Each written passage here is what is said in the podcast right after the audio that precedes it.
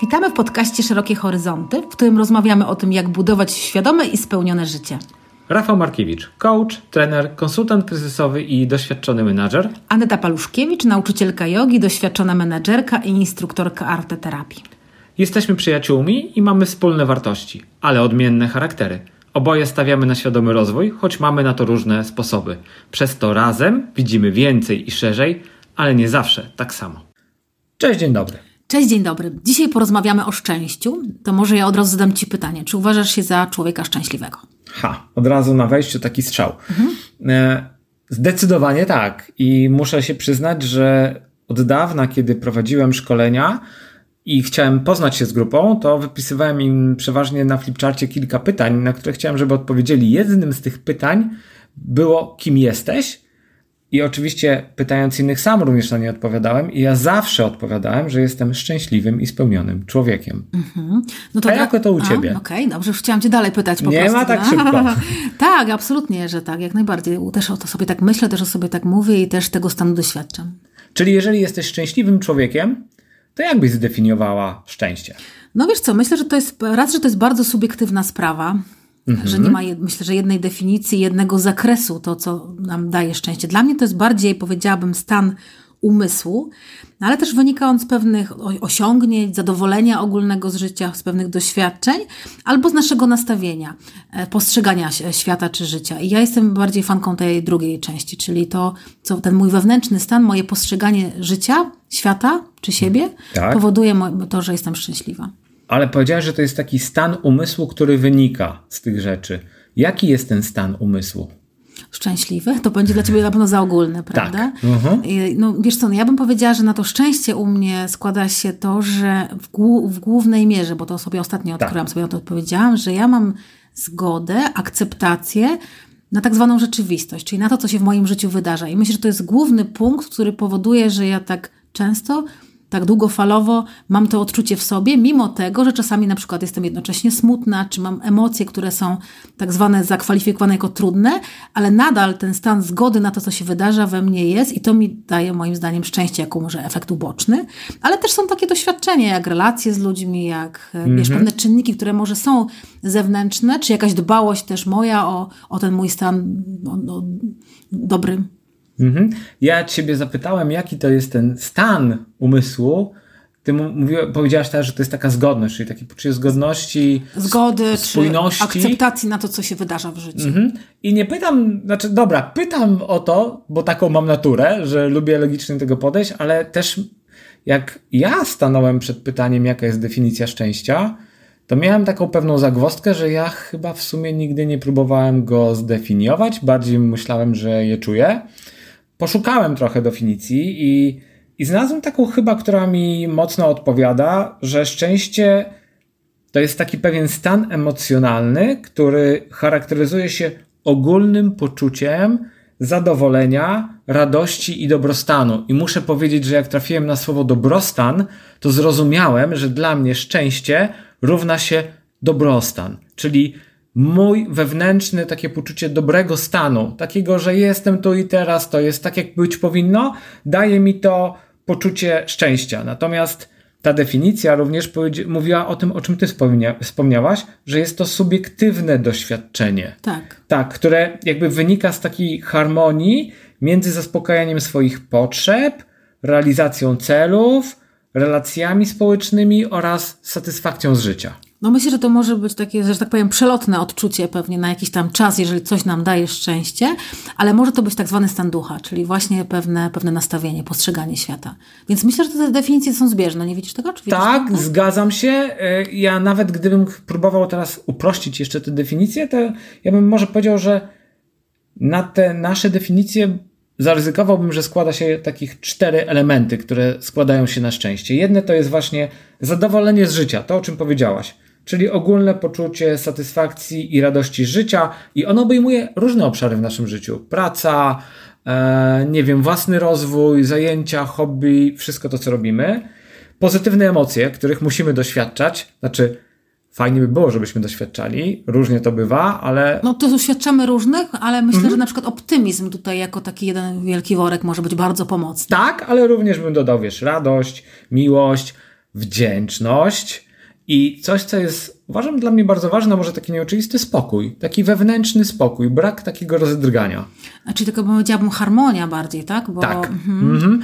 Przy czym harmonia, jak rysujemy harmonię, to ona jest sinusoidą, pamiętajmy. To nie jest prosta linia, która płasko biegnie, ona idzie trochę w górę, trochę w dół, bez pików dużych, ale jednak to jest ruch harmoniczny, No tak, ale to zmienny. też trochę tak jak w życiu, prawda? Tak. Że to nie jest tak, że, że to będzie linia prosta, tylko będzie raz tak, raz inaczej. Dobra, więc... czyli mamy zadowolenie z życia, pierwszy element, Mhm. drugi pozytywne emocje, trzeci, który wydaje mi się strasznie ważny, do którego musiałem w pewnym momencie dojrzeć, to jest realizacja celów i swoich wartości.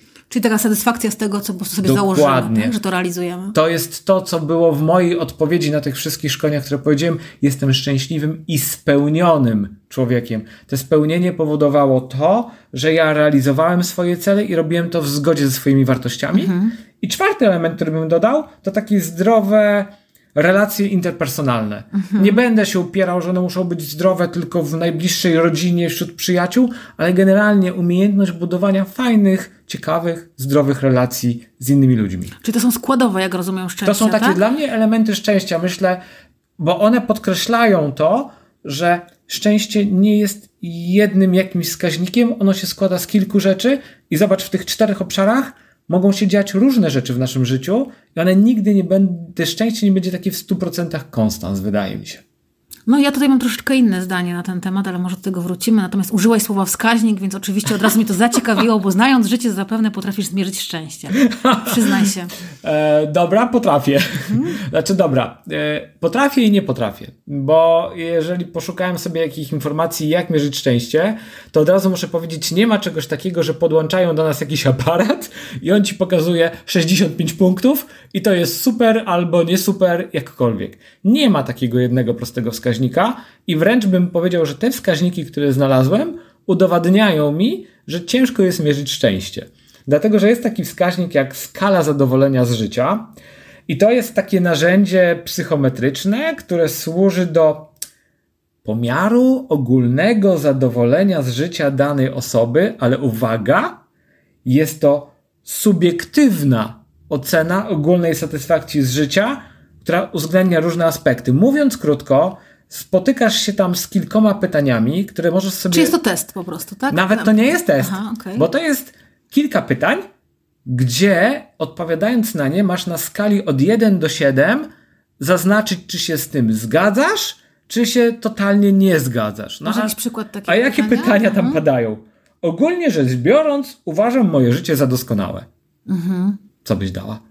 E, Od 1 do ilu? Do 10? Do 10. No między 9 Jeden a to 10. masakra? No, jeden, między 9 a 10 pewnie? Okej, no i drugie, mam pozytywne doświadczenie związane z życiem. Oj, to na pewno 10, no. No i mm, zobacz. Mimo a- trudnych doświadczeń, które były. to nie jest tak, tak, że aczkolwiek zobacz, że w tym wskaźniku każdy z nas, mając na przykład te same doświadczenia, ale inne nastawienie do życia, za, zaznaczy zupełnie inny poziom oceny. To może pierwsze pytanie powinno być, czy jestem optymistą, czy pesymistą z założenia? Okej, dobra. Czyli rozumiem, że e, te, te wy- wyniki tego testu bardzo często są e, wypublikowane poprzez rankingi, że na przykład najbardziej szczęśliwe tam państwo świata i tak dalej, czy nie? to jest drugi. Znaczy, wskaźników jest kilka, ja sobie wybrałem dwa, o których możemy mówić.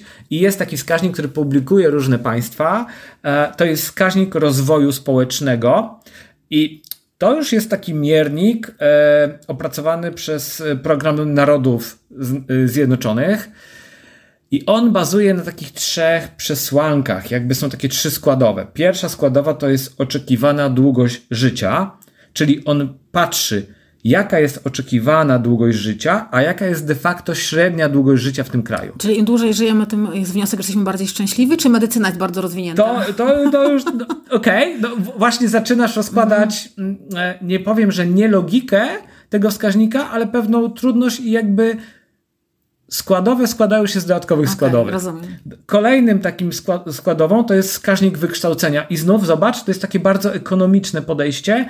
To jest średnia, średnia liczba lat edukacji mieszkańca danego kraju versus oczekiwana liczba lat edukacji. No tutaj był bardzo dyskusyjny wskaźnik moim zdaniem, czy. S- Jakby składowa tego wskaźnika. I trzecia, trzeci element, może najłatwiejszy do zaakceptowania, to jest dochód narodowy brutto na mieszkańca. Czyli krótko mówiąc, bierzemy dochód narodowy podzielony przez liczbę mieszkańców z dodatkowym uwzględnieniem siły nabywczej tych pieniędzy. Mhm. Czyli można założyć, że posługując się z tym wskaźnikiem, kraje z wyższym HDI, to jest nazwa tego wskaźnika, mają zazwyczaj lepszą jakość życia, lepszy dostęp do edukacji, yy, zdrowia i mają lepszy czy też wyższy dochód na mieszkańca. Jak chciałaś przykłady krajów, to proszę bardzo, zgodnie z tym składnikiem, przykładowe kraje o wysokim HDI to jest Norwegia, Szwecja, Australia. Kraje o niższym HDI to jest na przykład Haiti, Afganistan, e, Sierra Leone.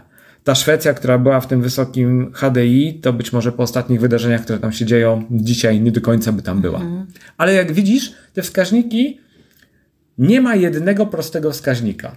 No bardzo też dyskusyjne są dla mnie, szczerze powiedziawszy, bo tak. ja podróżowałam po Ameryce Południowej i jak sobie przypomnę tam podejście ludzi i pewien stopień luzu e, w stosunku do powiedzmy zamożności na przykład, e, to no, naprawdę jest to dla mnie dyskusyjne. Szwecja na przykład, która ma, powiedziałabym, pół prohibicję w związku z tym, że, że państwo było rozpite bardzo, mm. to czy to jest jakiś wniosek dodatkowy w tym kontekście, więc... Myślę, że w ujęciu wskaźników takich, wiesz, ekonomiczno-społecznych można sobie tak do tego podchodzić. Natomiast... Ale w ujęciu szczęścia jako pojęcia pewnego stanu zadowolenia, no to może to być dyskusyjne, prawda? Bo może, może mieć dużo pieniędzy i być bardzo nieszczęśliwym. Tak, tak? Można no nie mieć pieniędzy też być bardzo nieszczęśliwym. Czy ty, a ty jakoś mierzysz swoje szczęście?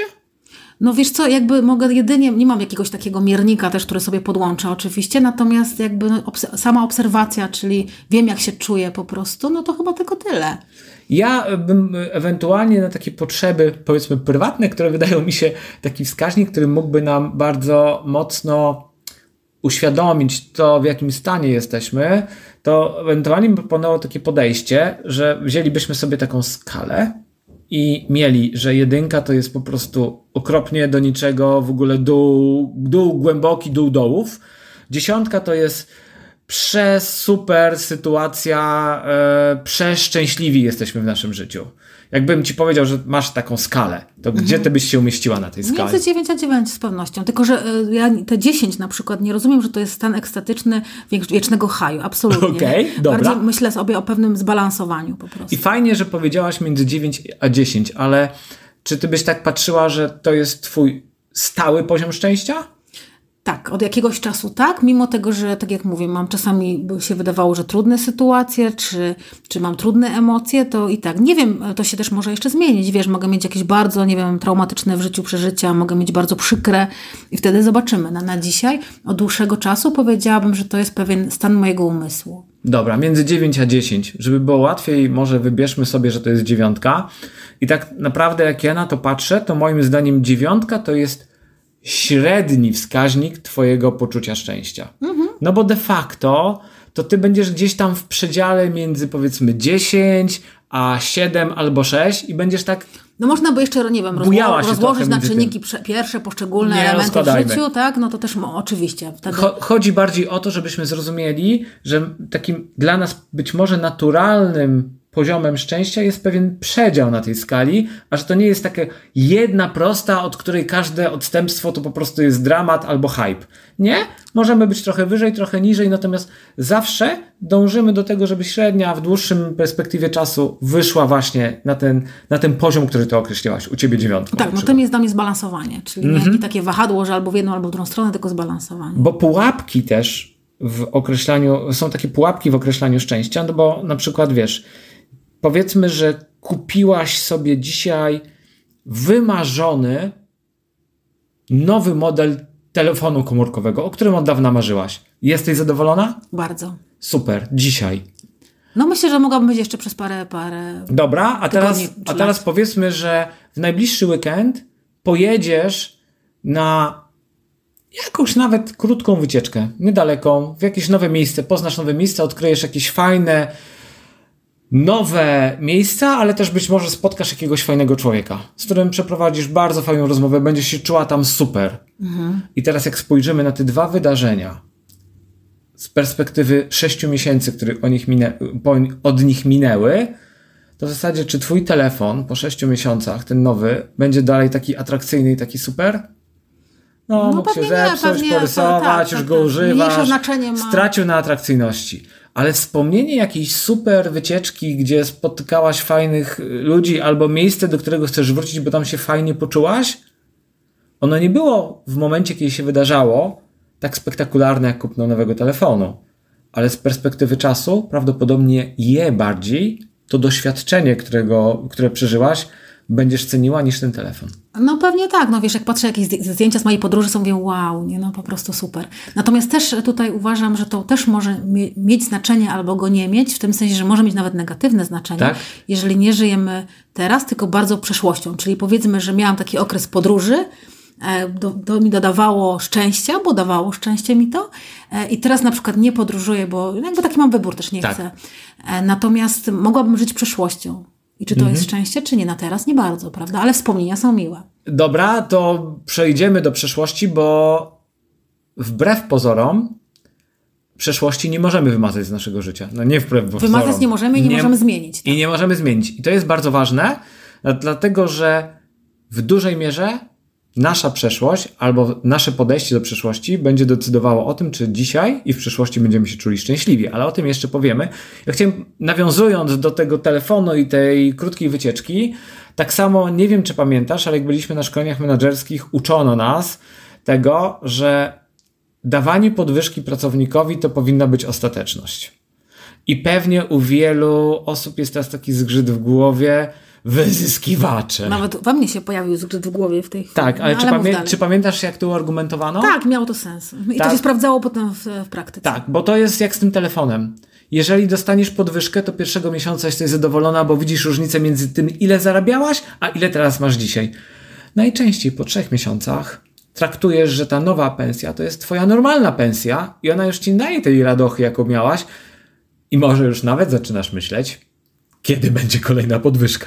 Więc efekt dania takiej podwyżki był kosztem dla firmy, natomiast wcale się nie przynosił aż tak bardzo na pozytywne odczucia u pracownika. Tylko na, na krótki czas. moment. Tak, tak, tak. Natomiast z drugiej strony to od razu może dodam, że ja uważam, że generalnie byłoby wspaniale, gdyby ludzie godnie zarabiali, bo to jest taka pewna bazowa, która daje poczucie bezpieczeństwa, ale nie jest to gwarantem szczęścia, bo mamy przecież dowody na to, że są ludzie, którzy nie osiągnęli sukces, mają pieniądze, a nie wiem. Tak, uwaga na pułapkę, tak. bo mówisz godnie zarabiali, a dla każdego godny zarobek będzie czym innym i też miałbym wątpliwość, czy potrafilibyśmy się powstrzymać przed oczekiwaniem jeszcze wyższych zarobków. No może by i tak było. Bo to, co było kiedyś dla nas godnym zarobkiem, to w momencie, kiedy dzisiaj go zarabiamy, zaczynamy się rozglądać, ile zarabiają inni, mówimy, o nie, nie, godne to by było tak z 2000 więcej. No wiesz co, no może zostawmy ten wątek, tak, bo może no, tak być, ale też nie musi dobra, zależy od ostrzegania. To żeby jeszcze e, utrudnić taką ocenę szczęścia, ale oczywiście mówię to tylko po to, żeby lepiej je zrozumieć, to też chciałbym wspomnieć o takim przykładzie, który spotykałem dosyć często w takim obszarze psychologiczno-rozwojowym i on opowiada, on opowiada o takiej sytuacji, gdzie załóżmy tego samego dnia dwoje gdzieś tam przeciętnych ludzi doświadcza dwóch różnych zdarzeń. Jedna osoba na skutek wypadku staje się niepełnosprawna, a druga osoba na skutek powiedzmy wygranej w totolotka zyskuje dodatkowe 5 milionów. W momencie, kiedy te dwie rzeczy się wydarzają, oni na tej skali szczęśliwości są, można powiedzieć, prawie że na dwóch skrajnych końcach. Czy to jakieś badanie było, tak? Dobrze zrozumiałam? To jest przykład, przykład mhm. który mówi o tym, natomiast jakby badanie, on zmierza do zobrazowania pewnych badań. Za chwilę mhm. powiem, e, co te badania jakby mają pokazać. I teraz oni są na dwóch skrajnych e, brzegach tej skali. Ten, który wygrał, oczywiście jest super, hiper szczęśliwy. Ten, który stał się niepełnosprawny, na pewno jest zdołowany i strasznie nieszczęśliwy. I dzisiaj jest między nimi bardzo duża różnica. Ale badania, które były przeprowadzane przez różnego rodzaju psychologów, pokazują, pokazują, że kiedy spotkamy się z nimi za rok i zbadamy ich poziom szczęścia, to ta różnica między nimi nie będzie aż tak duża. Dlatego, że ten, który wygrał 5 milionów, już się do tego trochę przyzwyczaił, może przepuścił te pieniądze, coś się wydarzyło, więc wraca, wraca do takiego swojego naturalnego poziomu szczęścia.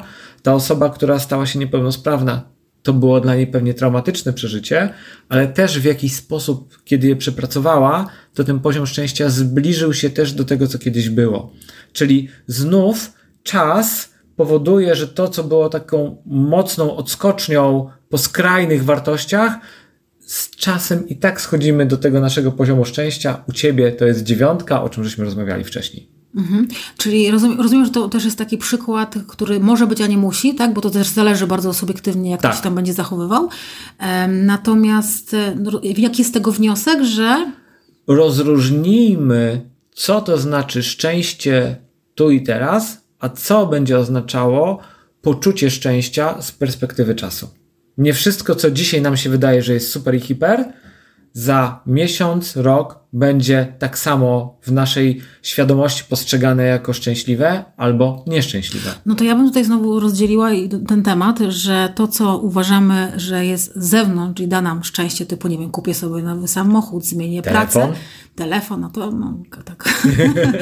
E, to, no to to jest, powiedziałabym, bardzo złudne, że to daje nam szczęście. Albo chwilowe. Albo chwilowe, taka nagródka bym powiedziała, tak. bardziej przyjemność niż mhm. pewien stan ducha Super. samomysłu, dlatego, że to jakbyśmy ciągle coś było kiedyś miało się wydarzyć i jakbyśmy biegali z taką e, marchewką na wędce mhm. e, i to może być po prostu bardzo złudne, ryzykowne w mojej opinii, że coś jest na później, coś jest odkładane i coś jest z zewnątrz. No to dobra. nie jest ten stan e, szczęśliwości, który mnie satysfakcjonuje, tak ci Okej, okay, no dobra, to żeśmy namieszali mocno z tą definicją szczęścia.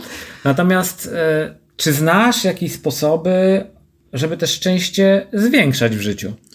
E, no wiesz co, ja tak się zastanawiałam, czy można szczęście wytrenować. Ja myślę, że ja trenuję pewną samoświadomość i efektem ubocznym jest ten stan szczęśliwości. Czy znam? Oczywiście, że znam, no bo jakby to robię. No to przejdźmy do Przejdźmy do rzeczy, tak? No. Czyli co, co trzeba robić, żeby zwiększać szczęście w życiu? No ja myślę, że bardzo ważne jest nasze postrzeganie życia. Ja to już sobie rozmawialiśmy mhm. o tym, się przyznałam, że jestem optymistką etatową i po prostu jest mi w tym kontekście może troszkę łatwiej, ale też e, było różnie w życiu i wiem, że to, jak postrzegam to życie, na ile mam do niego zaufanie na przykład, tak? Czy idę wybieram bardziej negatywne myśli, czy, czy negatywność mhm. w swoim życiu, e, czy, czy też po prostu patrzę na życie jak na na przykład doświadczenia, na przeszłość, że to ma ogromny wpływ, czyli postrzeganie mówiąc. Dobra, ale postrzeganie jest takie, postrzeganie najczęściej jest efektem czegoś innego. No to zapytaj precyzyjnie. Takich składowych. No, tak pytam o konkret. A, nie? rozumiem. Mhm. Jak to ja. Jak to ty. No, no postrzeganie jest, w sensie takim, jakie techniki używam, tak? Może Jak inaczej. zwiększyć szczęście w życiu? Tak Jak postawię pytanie.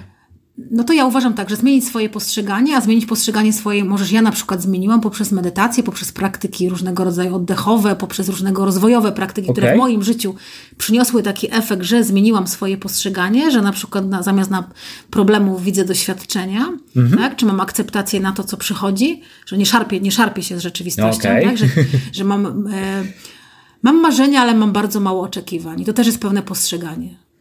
Okej, okay. wydaje mi się, że bardzo ważne, że masz marzenia, mhm. bo zaskakujące jest, ile ludzi ich nie ma.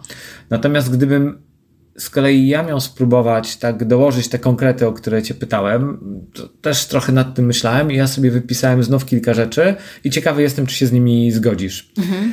Taka pierwsza rzecz, która przyszła mi do głowy, ale która może nie jest aż tak do końca prosta, to jest praktykowanie wdzięczności. To się w pełni zgadzam. To już nieraz mhm. sobie rozmawialiśmy. Wdzięczność jak najbardziej. Ale to jest właśnie też e, takie zwracanie uwagi za to, co, za co w życiu codziennym jesteśmy wdzięczni.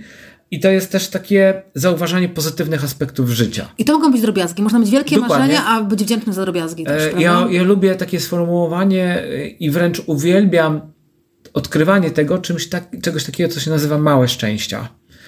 Dla mnie takim małym szczęściem potrafi być to, że idę gdzieś przez łąki lasy i nagle zatrzymuję się i obserwuję, jak nie wiem, bąk czy pszczoła ląduje sobie na kwiatku, ale przez tą obserwację zaczynam zauważać, z czego ten kwiatek się składa, jakie tak naprawdę ma kolory. Zaczynam doceniać, jak one są intensywne, że kiedy się dobrze przyjrzysz, to płatek nie jest jednobarwny, ma wiele odcieni i nagle jakby się zanurzam w tym i to daje mi takie poczucie uziemienia, poczucie spójności z naturą i ze światem i to daje mi bardzo dużo szczęścia. Czyli te małe szczęścia nie spodziewamy się wielkich, spektakularnych rzeczy.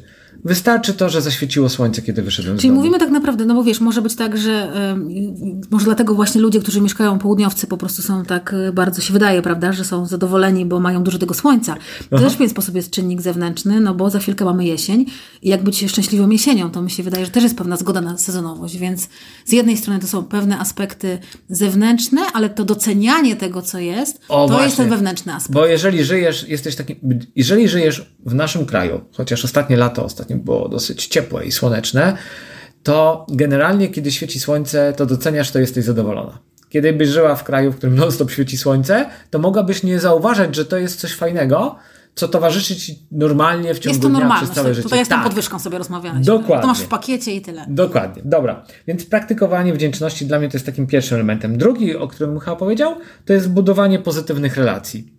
Z innymi, z ludźmi, ale ja bym też powiedział generowanie pozytywnych relacji. To ja chyba już wspominałem w którymś podcaście o moim ulubionym dialogu ze sprzątaczką, którą spotykam czasami na klatce. Zawsze mówię dzień dobry i mógłbym skończyć, ale kończę to i życzę miłego dnia. I ona zawsze mi też życzy miłego dnia. I w tym momencie od razu się robi fajniej, ciekawiej. I ja już wychodzę na przykład pozytywnie nastawiony z klatki, a myślę, że ją zostawiam również pozytywnie nastawioną. No to ja znowu się troszeczkę cofnę, bo to już też sobie o tym rozmawialiśmy, że ja uważam, że ta najważniejsza relacja to jest samą sobą. Czyli jeżeli ja po Okej. prostu ja mam dobrą relację ze sobą, nie ma takiej możliwości, żeby to się nie przekładało na moje relacje z ludźmi. W sumie tak, no bo jak jesteś pozytywnie nastawiona i masz dużo dobrej energii, którą możesz rozdawać, to No jeżeli, nie no wiesz, no to po prostu tym się dzielisz. To Super, dobra. E, Kolejny element dla mnie to jest ruch i zdrowa dieta.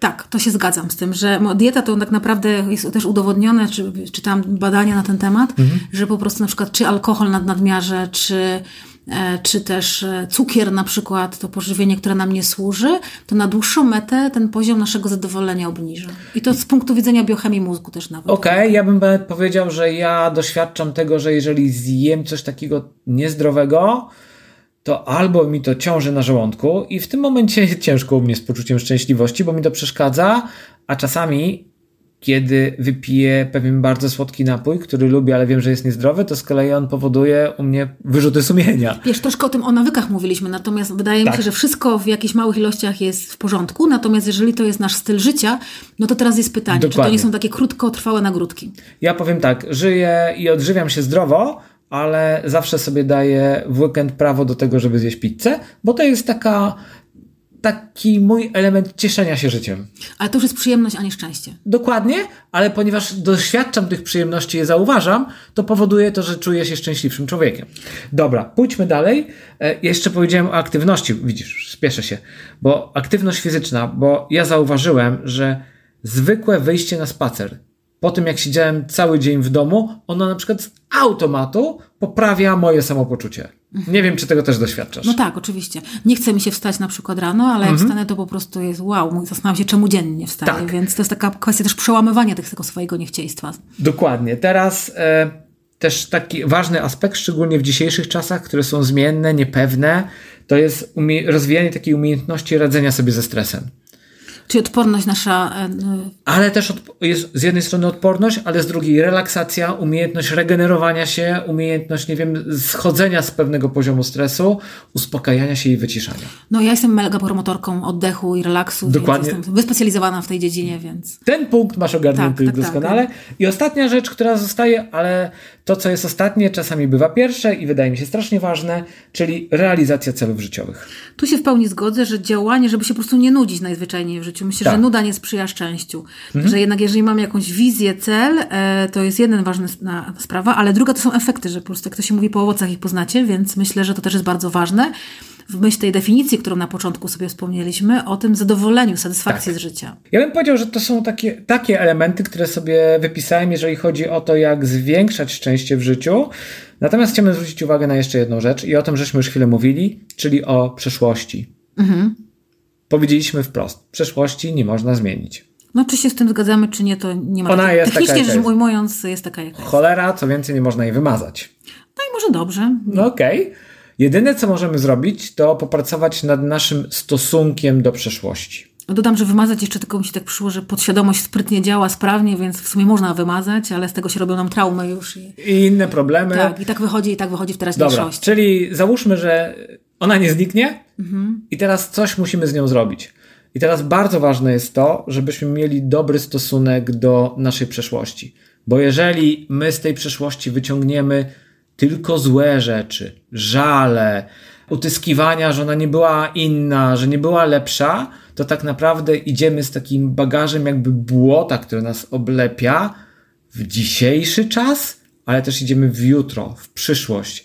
I idąc tacy umazani, brudni, niefajni, bo ciągle taplamy się w tych strasznych rzeczach, które nam się kiedyś wydarzyły, generalnie, w mojej ocenie, pozbawiamy się możliwości bycia szczęśliwymi dzisiaj i w przyszłości. No tak się mówi, że żyjemy przeszłością czasami. Jeżeli tak jest, no to po prostu może być nam faktycznie e, trudniej być szczęśliwym, tak sobie myślę.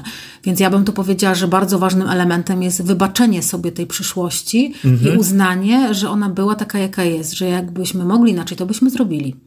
Powiedziałaś coś bardzo ważnego, wydaje mi się. Wybaczenie sobie, bo tak na, na, naprawdę to trzeba i wybaczyć sobie i być może innym, ale to, co nas najbardziej chyba dołuje i ciągnie w dół, to jest to takie ciągłe rozmyślanie, mogłem zrobić inaczej, powinienem się inaczej zachować, jak mogło do tego dojść, że coś zrobiłem, a de facto doszło do tego, Dlatego, że najprawdopodobniej w tamtym czasie zrobiłem najlepiej, jak potrafiłem. No z takiej perspektywy to nie możemy inaczej. Myślę, jakbyśmy mogli, to byśmy zrobili. Ja do siebie to bardzo często mówię, też stosuję techniki wybaczania mhm. i szczerze powiedziawszy, listę spraw, których żałuję z pięciu zredukowałam może do dwóch, a może już w ogóle, bo trzech nie pamiętam, więc chyba się już nie liczą. okay. A dwie no są już takie, powiedziałabym, że mam coraz większą zgodę, że tak się wydarzyło, jak się wydarzyło. Dobra, więc... powiedziałaś też o zgodzie, bo oprócz tego, że moim zdaniem w tej przeszłości trzeba sobie wybaczyć i innym, bo też, żeby nie, bo jeżeli ciągniesz pretensje do innych, to znowuż ciągniesz pewien ciężar przez życie. No czasami też trzeba, ja bym zaznaczyła, że nie, niektórzy z nas mają bardzo trudne, bym tak. powiedziała, traumatyczne e, doświadczenia, więc mm. to mhm. też jest może być troszeczkę trudniej, żeby wybaczyć. Natomiast moim zdaniem, no jeżeli chcesz tą teraźniejszość mieć e, lepszą, lepszej jakości, no to po prostu ja bym zrobiła wszystko, żeby ten temat załatwić. Ja tutaj się jeszcze tylko odniosę, bo ja jestem jednak fanką, żeby wybaczać sobie mm-hmm. i może się podzielę z Wami te, takiej, taką afirmacją, czy taką, takim tekstem, który ja do siebie po prostu bardzo często mówię w różnych momentach swojego życia, że wybaczam sobie, wybaczam Tobie, uwaga, że na to pozwoliłam. To może być kontrowersyjne dla niektórych z, z, z nas, z Was, natomiast mm-hmm no, po prostu myślę, że to jest kluczowe, żeby wybaczyć sobie i żeby mhm. za to też wziąć odpowiedzialność. Co nie znaczy, to nie jest tożsame z winą. To pewnie jest dłuższa dyskusja i mogłaby się tej ona potoczyć. Też to, czego ja się kiedyś nauczyłem, że wybaczam nie oznacza zapominam. Wybaczam, żeby nie ciągnąć żalu, Natomiast pamiętam o tym, co wydarzyło się w naszej relacji. No, sytuacje są jakie są, więc jakby być może one potem pozwalają stawiać granice, prawda, żeby też nie powtarzać, nie wchodzić na przykład w toksyczne relacje, przemocowe i tak dalej. I teraz w zasadzie powiedziałaś o drugiej ważnej rzeczy, o której ja chciałem powiedzieć, jakby, dobra, dzięki, dzięki za z jednej strony tą mantrę, ale ja chcę dodać te dwie rzeczy. Jedna to jest akceptacja przeszłości, po prostu zaakceptujmy, że ona taka była, jaka, jaka była, bo tak naprawdę nie wiemy, czy gdyby się potoczyła inaczej, to czy na pewno byłaby lepsza? No, jeżeli masz doświadczenia bardzo trudne i teraz to ci się wydaje, co mówimy, abstrakcją, to moim zdaniem można znaleźć sposób, e, mhm. żeby to załatwić. Dokładnie. I jest jeszcze jedna rzecz. Jeżeli zrobiliśmy coś nie tak, to zamiast się za to linczować, należy uznać, że to była lekcja, z której należy wyciągnąć naukę i traktować to jako uczenie się na błędach, dzięki którym dzisiaj tych błędów nie popełnimy, nie, wej nie wejdziemy w relacje, o których powiedziałaś. A nawet jak i będziemy potrafili, będziemy potrafili zbudować granice, a nawet jak powiedziałaś, jeżeli popełnimy, to być może konsekwencje będą mniejsze, bo szybciej Albo to szybciej zauważymy. Wykaraskamy. Tak, Dokładnie. Tak, tak, bo to tak to działa, bo, bo jakby prawda jest taka, że my wchodzimy w te same sytuacje, w te same schematy, bo ja jeszcze chciałam może jedną rzecz wspomnieć, która wpływa na tak. docelowo na szczęście i którą moim zdaniem warto zerknąć, to są te przekonania, czyli po prostu, no zobacz, nawet są takie powiedzenia o szczęściu, mhm. że gdzieś tam z tyłu głowy, w tej podświadomości świadomości. Może często mamy, że no jest fajnie, ale może zaraz coś się wydarzy, nie? Że jakby jest dużo takich powiedzeń, które gdzieś tam mhm. pewnie mamy i z dzieciństwa, i z przeszłości, które tak w nas kiełkują. A, czyli mówisz, że nie, y, to jest takie Programy tak cudowne zwane. powiedzenie, nie bądź za bardziej szczęśliwa, bo za chwilę los cię utemperuje. No właśnie, i to jest ta zmiana, bo to jest, no nie chcę powiedzieć gówno, prawda, ale no, tak, powiedziałam to tak? tak powiedziałam, czy pomyślałam? nie, powiedziałaś, ja powiem tak. Bardzo często los albo przyniesie pozytywne rzeczy, albo negatywne i on ma gdzieś czy my myślimy, że one nadejdą, czy nie. On je po prostu No przyniesie. tak, ale tych powiedzeń, tych, e, Tak. te, które te powiedzenia budują potem pewne przekonania nasze o życiu i one w nas kiełkują i rosną i wtedy moim zdaniem to jest do zmiany i temu też warto się Ja, bym, ja myślę, że chyba powinniśmy, wymyśliłem to właśnie przed chwilą, powinniśmy sobie po, raczej zamienić tamto podejście, o którym mówiłem, na to, że jeżeli w tej chwili jestem szczęśliwy, to biorę z tego szczęścia jak najwięcej, żebym mógł je ponieść dalej w swoim życiu. Czyli z jednym z takich rozwiązań będzie to, że przy, przysłuchuj się, czy przyglądaj temu, co myślisz, temu, co mówisz. Mhm. Na przykład na temat szczęścia. Dobra. Piejemy o tym szczęściu. I mówimy, że jest super i w ogóle, że go nie można mierzyć, ale teraz jest pytanie, czy możemy z tym przegiąć? Czy można się uzależnić od szczęścia? Jak ty to widzisz? No ja myślę, że można się uzależnić od wszystkiego i można się też uzależnić od e, przyjemności, które możemy utożsamiać z szczęściem, czyli tych szybkich nagródek. Aha. I moim zdaniem można by się uzależnić od szczęścia, tak? Albo można mieć presję, że musimy do niego dążyć, bo na przykład jest taka moda w świecie rozwojowym, że wypada być szczęśliwym. Więc można. Aha, ja myślę, dobra, to nie będzie pewnie aż takie uzależnienie, jak to mamy z różnego rodzaju środkami psychotropowymi, ale z takich elementów, które mogłyby na nas wpłynąć. To... Ale środki psychotropowe też mają, e, jakby w efekcie masz pewien stan i być Tak. może to jest, Mhm. tutaj bym podobieństw szukała, szukała, tak, że my się uzależniamy od pewnego stanu, czyli pewnego stanu przyjemności. Pragnienia też są bardzo zgubne, O, tak? to też dla mnie nie jest, nie jest okej. tożsame ze szczęściem. Czyli na przykład dążymy do, powiedzmy, doświadczenia tylko i wyłącznie pozytywnych emocji, a czasami wręcz nie rzeczywiście lukrujemy nasz świat, żeby było tak cudownie. E, tak, bo dokładnie tak, dokładnie tak. Mamy taką wizję, że jak Mhm. jest inaczej, to jest źle.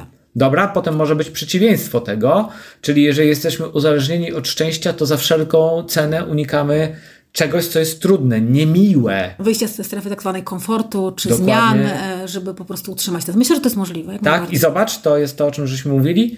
To jest też to, co ja często tłumaczę moim klientom. Wygodnie dzisiaj może oznaczać niewygodne konsekwencje w przyszłości. Czasami chwila niewygody dzisiaj może cię zaprowadzić w piękne, cudowne miejsca, bo odważyłaś się właśnie zrobić coś nowego, coś, czego nie byłaś pewna. I teraz, jeżeli my się uzależnimy tylko od tego poczucia dobrych emocji, szczęścia, to możemy nie mieć odwagi, żeby ryzykować coś zmieniać w naszym życiu. No ja tylko jeszcze dodam, może doprecyzuję, że za, dla mnie szczęście nie jest tożsame z emocjami, w ogóle jakby od, oddzielam temat. Mhm. E, natomiast e, tak, ja myślę, że jak najbardziej w pełni się z Tobą zgadzam. I to wtedy już pytanie, czy to jest szczęście, czy to jest uzależnienie, pragnienia Tak. i po prostu jesteśmy w pułapce w zasadzie nieszczęścia, Mhm. bo nie, nie żyjemy. Takim innym elementem chyba uzależnienia dla mnie może być nadmierna taka konsumpcja, nie wiem, przyjemności. To może to mogą być ciągłe kompulsywne zakupy, używki, No to są, obiadania to są się. przyjemności i nagródki. Dokładnie. Bo ten stan na przykład dla mnie nie jest na ten moment mojego życia satysfakcjonujący, chociaż miałam etap w swoim życiu, e, że kupowałam, kupowałam dużo i tego też potrze- potrzebowałam się tym nasycić. To też nie jest nic takiego. Znaczy, dobra, i teraz powiedziałaś fajną rzecz, bo e, wielki problem w tym wszystkim polega na tym, że nigdy się nie można nasycić. Bo na przykład idziesz do galerii handlowej, myślisz sobie, a kupię ten ciuch i będę w nim super wyglądał i będzie fajnie. W momencie, kiedy dokonujesz zakupu i już masz go w torbie, jego atrakcyjność spada i myślisz sobie, jeszcze bym dodała do tego i idziesz na kolejne zakupy. No to w takim razie to jest tylko dowód na to, że te czynniki tak zwane zewnętrzne, czyli na przykład to, nie wiem, te zakupy, tak? To, Mhm. Tak. to nie jest element, e, który nam powoduje pewien stan szczęśliwości. Nie, to To są... jest tylko nagródka i przyjemność, która też Dokładnie. jest okej, ale nie liczyłabym, że to nas uszczęśliwi na dłuższą metę. Tak, i teraz to, o czym też mówisz, te nagródki i przyjemności, to są takie uzależnienie od chwilowych gratyfikacji. Takie, żeby nam skoczyły ten poziom takiego wow! teraz- Dopamina się podnosi, jest przyjemnie i znowu potrzebujemy dalej. No ale jeżeli ona się co chwilę podnosi i spada, podnosi i potrzebujemy spada, więcej, podnosi więcej, i spada, więcej. to potem potrzebujemy wow, takie łup, żeby ta, ona skoczyła w górę, ale problem polega na tym, że nawet jak zrobimy łup, to później będziemy potrzebowali podwójny łup łup. No i to się temat nie kończy. Nie kończy? E, A co powiesz o potrzebie uszczęśliwiania innych? I jeszcze jedna Mhm. rzecz, i żeby już skończyć tam ten temat, bo jeżeli będziemy się bali utraty szczęścia, takiej, nie wiem, wiążemy ją z czymś, jeżeli, nie wiem, mój partner, partnerka odejdzie, moje szczęście runie i w ogóle, to czasami właśnie wchodzimy wtedy albo w toksyczne relacje, albo godzimy się na pewne sytuacje, zapominamy o naszych granicach, żeby tylko uniknąć takiego poczucia chwilowego nieszczęśliwości. No dalej się upieram, że to wtedy nie jest stan szczęśliwości. O, tym, o, której, o tej jakości, o której my sobie tutaj mamy... Ale to mówimy o pewnym właśnie o tym uzależnieniu, że mówimy tak... o pragnieniach, tak, uzależnieniach dokładnie. w tym kontekście i nagródkach. Dobra, i teraz powiedziałaś... Chciałam tak... W, o, czemu uszczęśliwiamy innych? Czy tak, czy mamy taką potrzebę, czy jak ty to widzisz? Ja mogę odpowiedzieć za siebie, mógłbym powiedzieć w ten sposób. Wydaje, znaczy inaczej, dobra. Wydaje mi się, że naturalnie jesteśmy zaprogramowani, żeby trochę mieć taką potrzebę uszczęśliwiania innych, bo to wpływa na sposób budowania naszych relacji z innymi ludźmi i plasowania się w społeczeństwie. No, to tutaj powiem coś Ci może mniej przyjemnego. No, mów. Ja myślę, że tak, jeżeli jesteśmy zadowoleni z życia i z nas to wypływa, to mhm. ludzie się po prostu przy nas dobrze czują, tak? I to w tym kontekście jest to dla mnie jakaś możliwość uszczęśliwiania innych. Tak, mhm. czy ja robię coś, nie wiem, coś e, życzliwego, coś dobrego, tak? No może to też mieć taki wpływ. Natomiast pytanie jest takie, czy to nie jest kontrola, a nie uszczęśliwianie, tak? Bo Ty chcesz, żeby ktoś zachował się jakoś, a nie, tak, a nie inaczej? Ja nie chcę. Mhm. Ja uważam, że to jest sympatia. To jest trochę umiejętność takiego współodczuwania. Nie, koń, nie do końca biorę to na siebie, natomiast umiem zrozumieć, jakby czego ty potrzebujesz albo czego doświadczasz, i mogę trochę w tych relacjach się dopasować do, do ciebie, mogę cię wesprzeć, pomóc. Ale czy to jest uszczęśliwianie? Czy to jest jakiś mm. konsensus? No nie wiem, efekt przyjaźni, empatii? Jakoś tutaj nie za bardzo mi pasuje ten temat uszczęśliwiania innych. Jeżeli, jeżeli trafisz na osobę, która poświęci swój czas, znajdzie chwilę, co dzisiaj nie jest takie proste, żeby z uwagą ciebie wysłuchać, to nie będziesz się czuła dobrze? No będę się czuła dobrze, bo czy to będzie kontrola? relacji ma znaczenie. Czy to będzie kontrola? Nie. To będzie, ja oddam trochę mojego czasu, uwagę w tym czasie tobie. Mhm. I to mhm. jest dla mnie uszczęśliwianie innych. Zauważenie innego człowieka. To jest jeden z elementów. Myślę, że też to, że ty wpływasz na poczucie, na dobre poczucie innych, wpływa też na twoje. Zobacz mój przykład ze sprzątaczką.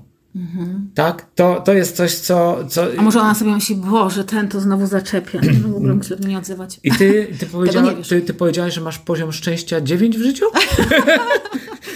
No nie, no, no. poczekaj, no, jakby ja może nawiązuję do trochę skrajnej sytuacji, ale mm. takie też bywają, że po prostu e, czasami jest tak, że, że ludzie uszczęśliwiają innych i jest to element kontroli, bo po prostu chcą, żeby, żeby ktoś się zachowywał tak, a nie inaczej, tak? I wtedy na przykład możesz tak, może Wiesz co, tak, to ja bym że oddajesz raczej... też kawałek siebie, prawda? Ja bym powiedział, że ty chyba mówisz o manipulacji. A, rozumiem. Nie kontroli. Czy to, nie tak, mówimy, uh-huh. to, to jest, wiesz, to, to się, o czym my dzisiaj mówimy, znaczy dzisiaj, w ogóle o czym ja często mówię, różnica między manipulacją a wywieraniem wpływu. Bo manipulujemy z na kimś nastawieniem, że my mamy w tym wygrać, niekoniecznie mając na uwadze dobro innych ludzi. No to czekaj, to może ci dam na innym przykładzie. Aha. Powiedzmy, że lubię chodzić z tobą na spacery i tak. nie robię tego dlatego, że ciebie uszczęśliwić chcę, tylko robię dlatego, że lubię chodzić z tobą na spacery, lubię twoje towarzystwo ja, gdybym nie lubił Twojego, to bym nie chodził, ponieważ ja również lubię Twoje towarzystwo, no to w tym momencie, dbając trochę o siebie, dbamy o z kolei wzajemnie. No właśnie, no właśnie. ale gdyby była sytuacja taka, że po prostu, no nie wiem, potrzebuję relacji, chcę ją utrzymać i nawet mi się nie chce, ale idę z tobą na ten spacer, bo, bo po prostu, no to to już jest co? To jest manipulacja albo kontrola, prawda? Mm, a może to jest nie chciałbym używać słowa poświęcenie, ale jest to trochę zaangażowanie w tą relację i postawienie ważności tej relacji, żeby ona trwała i się dobrze układała, nad powiedzmy chwilowy komfort siedzenia I w wtedy domu. rozumiem, że to uszczęśliwianie innych jest możliwe. E, tak. Czasami może nawet mogłoby być wskazane, chyba że tylko tak żyjemy. No to wtedy jest. no problem. nie, bo jeżeli, jeżeli jakby oddajemy siebie innym, no to w tym momencie nie ma nas. To na to chciałam zwrócić uwagę. Okay, tak? Bo dobra. moim zdaniem, na przykładzie może jest łatwiej to wyjaśnić, bo moim zdaniem to się dość często może zdarzać. Zobacz to, bo jakby dla mnie to jest, w zasadzie to jest chyba największa wartość mojej coachingowej pracy. Bo ja mam taką świadomość, że jeżeli pomogę innym ludziom albo coś uporządkować, albo sobie ułożyć, albo coś osiągnąć, bądź nawet zrozumieć i oni staną się przez to spokojniejsi albo bardziej szczęśliwi, to ja wiem, że oni z tym takim dobrą wibracją, o może tak, pójdą dalej w świat, poniosą ją gdzieś tam dalej i egoistycznie powoduje to, że ja jestem z siebie zadowolony, że zrobiłem coś dobrego dzisiaj w tym życiu, tak naprawdę uszczęśliwiając innych. No to może ja mam podobne podejście, w sensie takim, że robię dobre rzeczy dla siebie i dla innych, dzielę się tym, co, co się sprawdza. Po prostu, jeżeli ktoś chce posłuchać, to, to, to świetnie. Natomiast, no, y, czy bym to nazwała uszczęśliwianiem? No, może nie, ale jakbym się, że to nie ma znaczenia. Możemy ten wątek skończyć. Ja bym po prostu uważała w tym uszczęśliwianiu mhm. innym na taki element tego ratownika po prostu, żeby, żeby nie robić tego kosztem siebie, przede wszystkim zadbać o siebie, bo Aha. wtedy możemy dbać o innych, mamy z czego dać, prawda? Ja bym powiedział, że wręcz jeżeli y, włącza nam się syndrom ratownika, czyli my schodzimy na plan dalszy, odsuwamy siebie, swoje potrzeby tylko po to, żeby ratować innych i tutaj karmimy swoje ego, jacy jesteśmy wspaniali, to tak naprawdę dokonujemy manipulacji na nas samych. I na to warto zwrócić uwagę. Dokładnie. Ale Uważajcie kolej, na. Tak, na kolejnego. Ja bym chciała jeszcze poruszyć taki, e, taki temat jak cierpienie, co jest, wiem, że to jest bardzo obszerny temat i może do niego wrócimy w osobnym podcaście. No bo... na pewno. Natomiast no, to jest taka odwrotność e, szczęśliwości, prawda? Czyli teraz tak, jak to widzisz, powiedz w tym kontekście? Ja właśnie nie wiem, czy cierpienie jest przeciwnością szczęścia, czy Nieszczęśliwość jest nieszczęśliwość może szczęścia. być Nieszczęśliwość może być przeciwieństwem, ale cierpienie nas też. E, cierpienie jest elementem składowym naszego życia, którego co byśmy nie robili, to nie unikniemy. E, cierpienie się może w naszym życiu pojawiać i myślę, że to, co, o czym mógłbym powiedzieć, że nie należy go zagłuszać, żeby, o Jezu, jakby dotknęło mnie cierpienie, więc natychmiast je zabiję, jego odczuwanie. Bo mam koncepcję szczęśliwości po prostu swoim. Bo w życiu powinno się być szczęśliwym. Ja uważam, że jeżeli doświadczymy cierpienia, dotkniemy go, przejdziemy przez nie, zaakceptujemy, że się wydarzyło i zapytamy siebie, co nam to doświadczenie dało i co mogło wnieść w kontekście naszego przyszłego życia, czyli zniwelujemy ten ból, który się pojawił, kiedy już żeśmy przez to przeszli, nie ma z nas pretensji, a jest akceptacja, że to się wydarzyło, to to może być fajna podstawa do tego, żeby potem budować szczęście. Natomiast nie można budować szczęścia udając, że nie czujemy cierpienia. Tak, ja się z tym zgodzę, natomiast myślę, że też nie musimy cierpieć e, w tym sensie, że pewne rzeczy są do zmiany. Na Aha. przykład to, że cierp jeżeli cierpimy przez, powiedzmy, nie wiem, oczekiwania wobec e, siebie albo innych, tak, przez przeszłość, o której rozmawialiśmy sobie, to już jest trochę inny temat. No ja bym powiedział, przepraszam za sformułowanie, to są głupie cierpienia. Ale są. Są? One bo, bo zobacz, e, przypomnij sobie na własnym przykładzie swoich doświadczeń, też możecie to zrobić, kiedy cierpisz. Wtedy, mhm. kiedy ktoś, nie wiem, albo coś się zachowuje, ktoś, nie wiem, firma może na przykład, nie? czy szef twój, kolega, koleżanka, inaczej niż byś sobie życzył, tak? Czy ta rzeczywistość jest inna niż byś tak. sobie życzył, tak? Nie wiem, politycy, tak? Ja myślę, że... Albo jeśli masz oczekiwania. Okej, okay. myślę, że najczęściej cierpimy, kiedy ktoś nam nie daje wystarczająco dużo uwagi, na przykład. No to to jest jeden z elementów, myślę, no, prawda? No, Natomiast nikt nic nam nie musi dać, prawda? Tak, i dokładnie, bo to jest nasze założenie i tak naprawdę my cierpimy, że nasze założenie się nie spełniło. No właśnie, i tutaj takie elementy są do zmiany, ale może ten, myśmy nagrali sobie osobny podcast na ten temat, natomiast chciałam na to zwrócić uwagę, bo to moim zdaniem w tym kontekście, te oczekiwania, te, ta przeszłość, tak, gdzie tam, której się mhm. umartwiamy, e, to po prostu może powodować, że ta nasza, nasza szczęśliwość na teraz tak może mhm. być trudna. Dobra, ja chciałem tylko mówić to w tym kontekście, że czasami na przykład cierpienie może wynikać z choroby. Nie możemy mu zapobiec, ale z kolei na przykład udajemy, że wszystko jest ok, żaden problem, my nie cierpimy. No to ja ci powiem tak, że tutaj nie chodzi o coś, chyba oboje do tego zgadzamy, że nie hmm. chodzi o to, żeby udawać, natomiast jak, no, tak jak mówiłam, ja może sobie też o tym więcej porozmawiamy, o tej zgodzie na to, na rzeczy, które są, no bo jeżeli jesteśmy chorzy, no to jesteśmy chorzy. Tak. I możemy się denerwować na to, tak, ale no, no tak jest. Dokładnie. A może sobie teraz jeszcze przejdźmy do tego, czy szczęście można wytrenować? Ja myślę, że trochę o tym żeśmy mówili, kiedy mówiliśmy o tym, jak można to szczęście podnosić.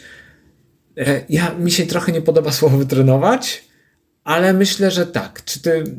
Dobra, masz jakiś pomysł z tyłu głowy, pytając o to? No wiesz co, myślałam sobie o praktykach po prostu, które trenują nasz umysł, bym powiedziała, mm -hmm. prawda? Trenują Czyli na przykład? No na przykład medytacja, na przykład oddech, metody uwalniania emocji e, różnego mm -hmm. rodzaju. To też już mówiłam, że ja akurat z Hawkinsa korzystam, ale są też, myślę, że tych narzędzi jest bardzo dużo, treningu tak. naszego umysłu.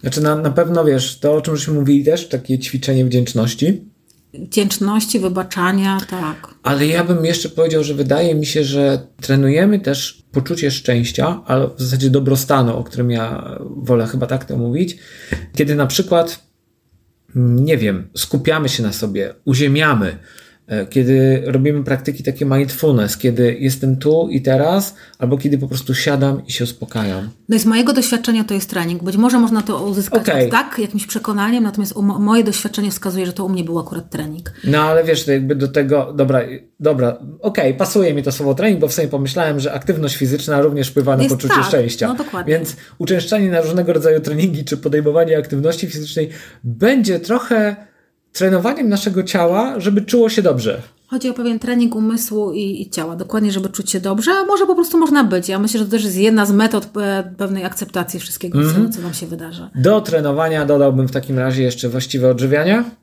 Tak, mówiliśmy to, o tym sobie już, że, tak, że dieta będzie... jak najbardziej, aktywność. I, i, I to e, aktywność, ale to jest to, co ja bym powiedział, wychodźcie z domu. Mhm. Nie zamykajcie się w domach, szczególnie dzisiaj w czasie home office'ów. My potrzebujemy wyjść z domu, potrzebujemy relacji z innymi ludźmi i potrzebujemy, jak to można by było kolokwialnie powiedzieć, czasami się zrobić, to znaczy wyjść z tego wyciągniętego dresu, byle jakości, w jakiej możemy funkcjonować w domu i pokazać się światu, a ponieważ my będziemy się chcieli pokazać dobrze, będziemy dobrze wyglądać, to będziemy się dobrze ze sobą czuć i będziemy bardziej szczęśliwi. No dobrze, to ja też tutaj znowu dodam, widzisz, jakoś tak ja dzisiaj jestem takim może trochę głosem pesymizmu, e, z tym dobrze się czuć i pokazać, no to bym uważała na to pokazywanie mm. się, bo też media społecznościowe są pełne szczęśliwych ludzi, jak wiemy. Instagram aż huczy od tego, że, bo tam pokazujemy się po prostu od tej no, szczęśliwej strony, tak? właśnie, tak? Czy, aż czy... mi się znowu już zwarcie zrobiło w głowie, jak powiedziałaś, że są pełne szczęśliwych ludzi. tak, się pokazujemy. Jak, kiedyś, Oni... Taki bardzo fajny mem był na tak. Facebooku, że obyśmy byli tak szczęśliwi, jak się pokazujemy na Facebooku. I to już jest, trzeba wziąć pod uwagę, że tak jest, bo sama sobie myślę, że no nie wiem, no pokazuję wtedy zdjęcia, kiedy wstaje na wschód słońca, a nie kiedy nie wstaje. dość nieciekawe. Tak. E, natomiast jest to mhm. fragment historii, prawda? To jeszcze o niczym nie świadczy. To znaczy jest pewna presja na to w social mediach, żeby pokazywać się szczęśliwymi. Z drugiej strony, jeden z moich klientów też mi uświadomił, kiedy rozmawialiśmy o, o tym, jak jego konkurencja wygląda na Instagramie, jak, jak się tam, co publikują, jakie informacje, on powiedział: Uważaj, na Instagramie wszystkim wychodzi. No właśnie, dlatego też tutaj ładnie nam się to składa, żeby dodać jeszcze jeden element, żeby się nie porównywać, bo to nie ma sensu, bo też widzimy fragment historii, tak?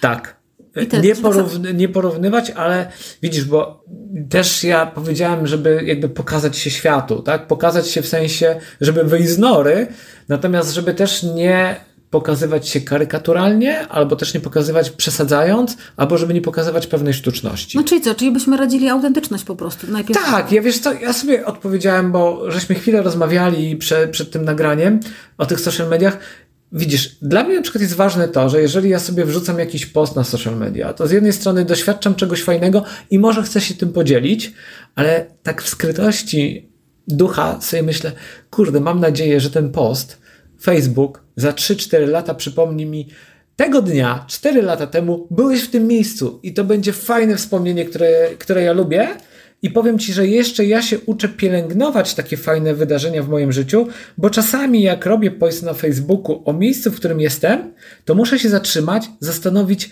dlaczego chcę się podzielić tym miejscem i dlaczego ono jest fajne, co powoduje, że w mojej głowie zatrzymuję, koncentruję się na tym miejscu i jeszcze pełniej go doświadczam. To jest moje podejście no, do przyznam, że mediów. wspominki facebookowe też mi też na mnie działają. Też dobrze robią. Dobrze, dobrze mi robią. Tak. okay. To co, może już kończymy, podsumujemy tak. jednym zdaniem. Co byś jeszcze dodał? Czy chciałbyś coś dodać? To było tak skomplikowany i rozległy temat, że jednym zdaniem trudno, wiesz, najprościej bym powiedział, bądźcie szczęśliwi. Najlepiej na teraz. E, Dobra. Ja bym też radziła bez czynników zewnętrznych e, sobie ten stan Wiem. sobie. Mam jedno zdanie, mhm. przepraszam. No mów, dobrze, no, no, no. Pamiętajcie, że szczęśliwość, że szczęście to inaczej dobrostan.